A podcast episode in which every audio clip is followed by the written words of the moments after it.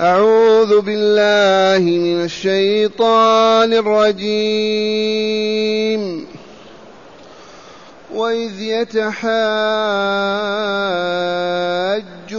في النار فيقول الضعفاء للذين استكبروا فيقول الضعفاء للذين استكبروا إنا كنا لكم تبعا فهل أنتم مغنون عنا؟ فهل أنتم مغنون عنا نصيبا من النار؟ قال الذين استكبروا إنا كل فيها. إن الله قد حكم بين العباد. وقال الذين في النار لخزنة جهنم ادعوا. وقال الذين في النار لخزنة جهنم ادعوا ربكم يخفف عنا يوما من العذاب. قالوا أولم تك تأتيكم رسلكم بالبينات؟ قالوا بلى. قالوا فادعوا وما دعاء الكافرين إلا في ضلال. إنا لننصر رسلنا والذين آمنوا في الحياة الدنيا في الحياة الدنيا ويوم يقوم الأشهاد. يوم لا ينفع الظالمين معذرتهم ولهم اللعنة ولهم سوء الدار معاشر المستمعين والمستمعات من المؤمنين والمؤمنات هيا بنا نقضي هذه الساعة مع من؟ مع الله مع ملائكته نقضيها في الدنيا ونقضيها في الآخرة. كيف نصل إلى هذا الكمال؟ بأي طريق؟ الحمد لله الحمد لله أن هدانا للإسلام فأصبحنا مسلمين وأنزل على رسولنا كتابه الكريم القرآن العظيم فأصبحنا نعيش دقائق ساعات مع الله وملائكته ولقاء. هذا فضل الله علينا معشر المسلمين فهيا نحمد الله ونشكره. الحمد لله الحمد لله. اسمع واذكر يا رسولنا إذ يتحاجون في النار يختصمون في جهنم. من هم؟ أبو جهل عمرو بن هشام فلان فلان. الذين كانوا يجهلون الناس ويحملونهم على الكفر والشرك والحرب إلى الرسول والمؤمنين. إذ يتحاجون في النار حجاجهم كيف؟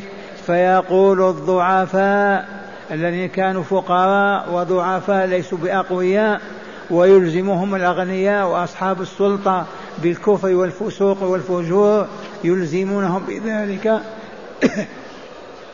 هؤلاء الضعفاء يقولون للذين استكبروا في هذه الدنيا فما عبدوا الله ولا طاعوه ولا آمنوا به ولا بلقائه. هؤلاء الذين استكبروا فأبوا أن يقوموا لله راكعين ساجدين أو عابدين متقين. يقولون لهم إنا كنا لكم تبعا كنا تابعين لكم.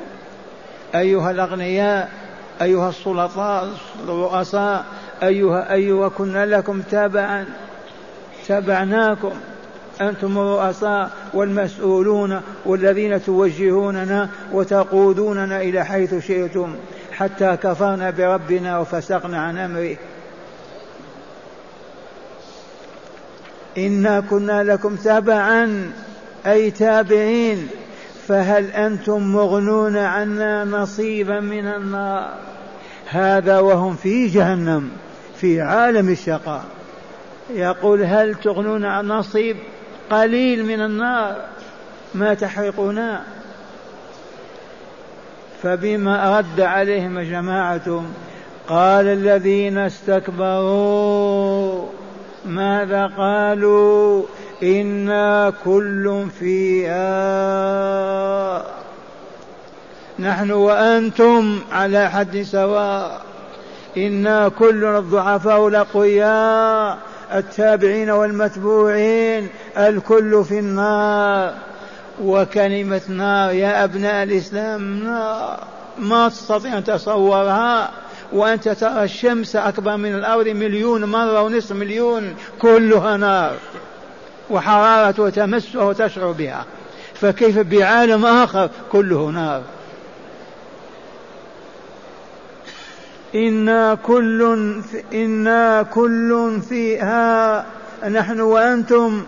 إن الله قد حكم بين العباد. صدر حكم الله فأدخل أهل الإيمان والتقوى الجنة وأدخل أهل الكفر والفجور النار. هذا حكم الله. اعترفوا به وأقروه. إن الله قد حكم بين العباد فأدخلنا نحن وإياكم النار وأدخل أهل طاعته وولايته الجنة دار النعيم المقيم. هكذا اعتذروا إليهم. ورد عليهم الضعف وقال الذين في النار هذا عام للاقوياء والضعفاء. وقال الذين هم في جهنم في ذلك العالم قالوا لخزنة جهنم جمع خازن وهم زبانية الملائكة المكلفون بتعذيب أهل النار. ماذا تعرفون عن الملائكة؟ ماذا تعرفون عنهم؟ الكافر الذي يعذبونه ضرسه والله كجبل أحد. وما بين كتفيه 135 كيلو متر بهذا أخبر السلام قال كما بين مكة وقديد 135 كيلو متر فالملك هذا الذي يعذب كيف يكون؟ قولوا آمنا بالله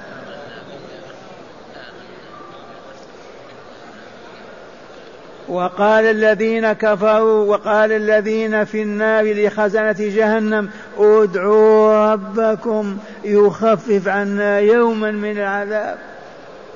سلوا ربكم ادعوه يا ملائكة أن يخفف عنا يوم العذاب.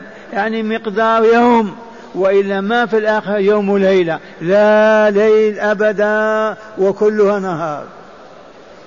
قدر يوم من أيام الدنيا. ادعوا من ادعوا ربكم يخفف عنا يوما من العذاب أي مقدار يوم من أيام الدنيا. أما الآخرة ما فيها ليل أبدا يوم واحد. يوم الحساب والناس على عرصات الأرض ينتظرون الجزاء طوله خمسون ألف سنة من أيامنا هذه. أما قال تعالى من سورة المعارج في يوم كان مقداره خمسين ألف سنة. خمسين ألف سنة. كعمر الدنيا بكاملها.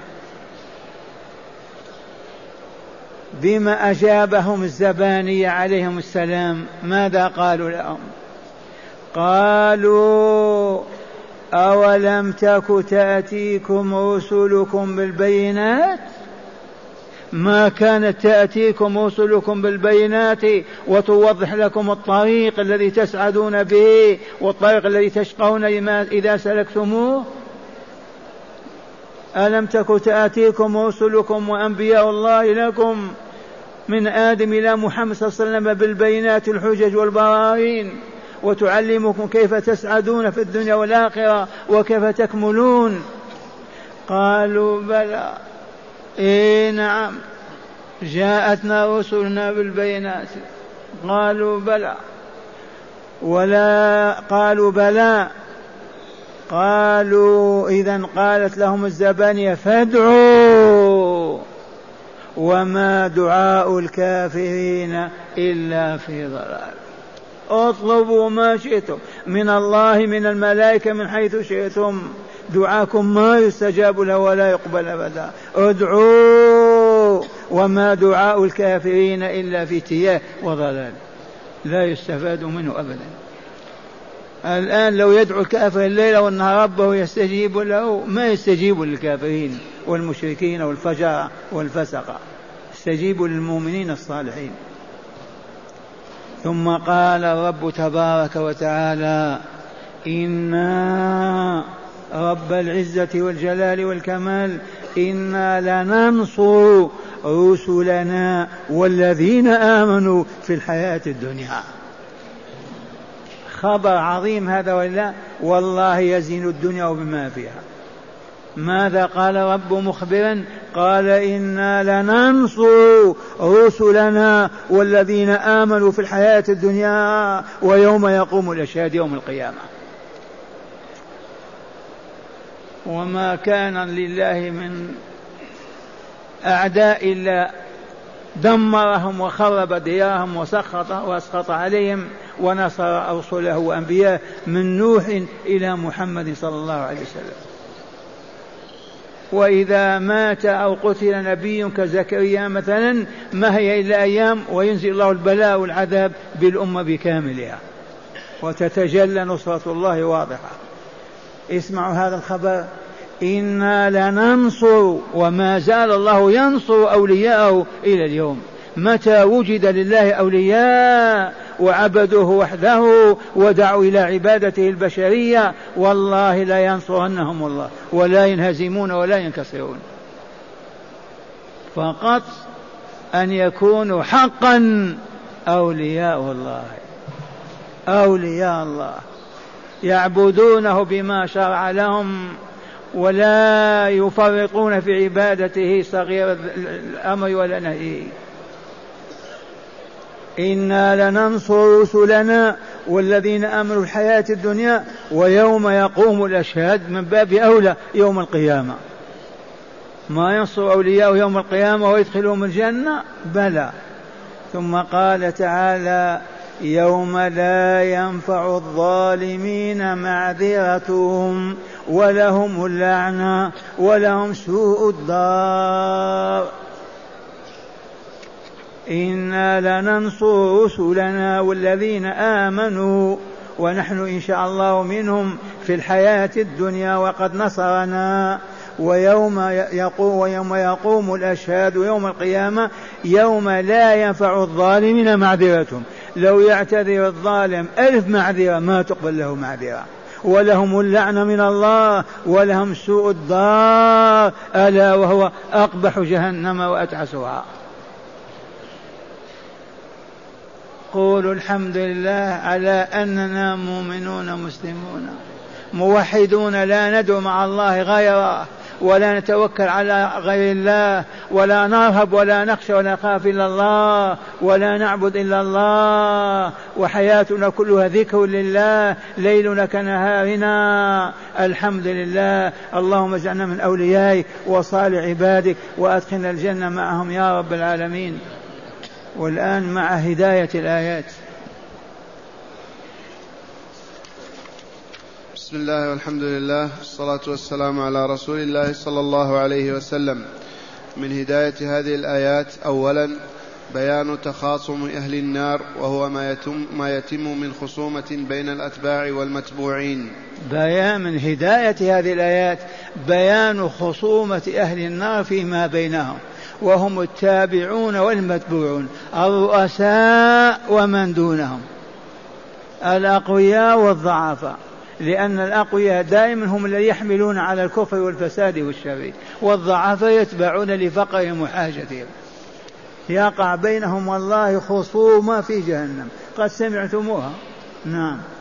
ثانيا التنديد بالكبر والاستكبار إذ الكبر عائق عن الطاعة والاستقامة. التنديد بالكبر والاستكبار. نبرأ إلى الله أن نتكبر ونستكبر. مهما ما كنا لا بد من التواضع لا بد من تطامن لا بد من اللطف والرقة أما الشدة والعنف والغلظاء والتكبر نبر إلى الله منه ومن أهله. ولا يتندد بهم وإلا لا وتذكر مصيرهم. نعم. ثالثا عدم استجابة دعاء الكافر في الدنيا والآخرة إلا ما شاء الله. من هداية الآيات عدم استجابة دعاء الكافر أبدا لا يستجيب الله للكافر إذا دعا إلا لأمر أراده الله حكمة أرادها وإلا العموم الكافر ما يستجاب له. لو يبيت يدعو الله ويظل يدعو ما يستجيب له. نص الآية الكريمة. إلا من شاء الله. نعم. رابعا عدم قبول المعذرة يوم القيامة. رابعا من هداية الآيات عدم قبول المعذرة. المعذرة تقبل في الدنيا. الآن تعصي ربك وتعتذر إليه. غلطني فلان جهلني فلان غرتني الدنيا. فعل بي الشيطان أتوب إليك يا ربي فاغفر لي وارحمني واقبلني يستجاب لك. أما في الآخرة ما في. لا معذرة تقبل أبدا. ما هي دار عمل؟ دار جزاء فقط إما الجنة وإما النار. خامسا عدم استجابة الدعاء في النار. مما هدته الآية هدتنا إليه أن أهل النار يدعون يدعون ما يستجاب له.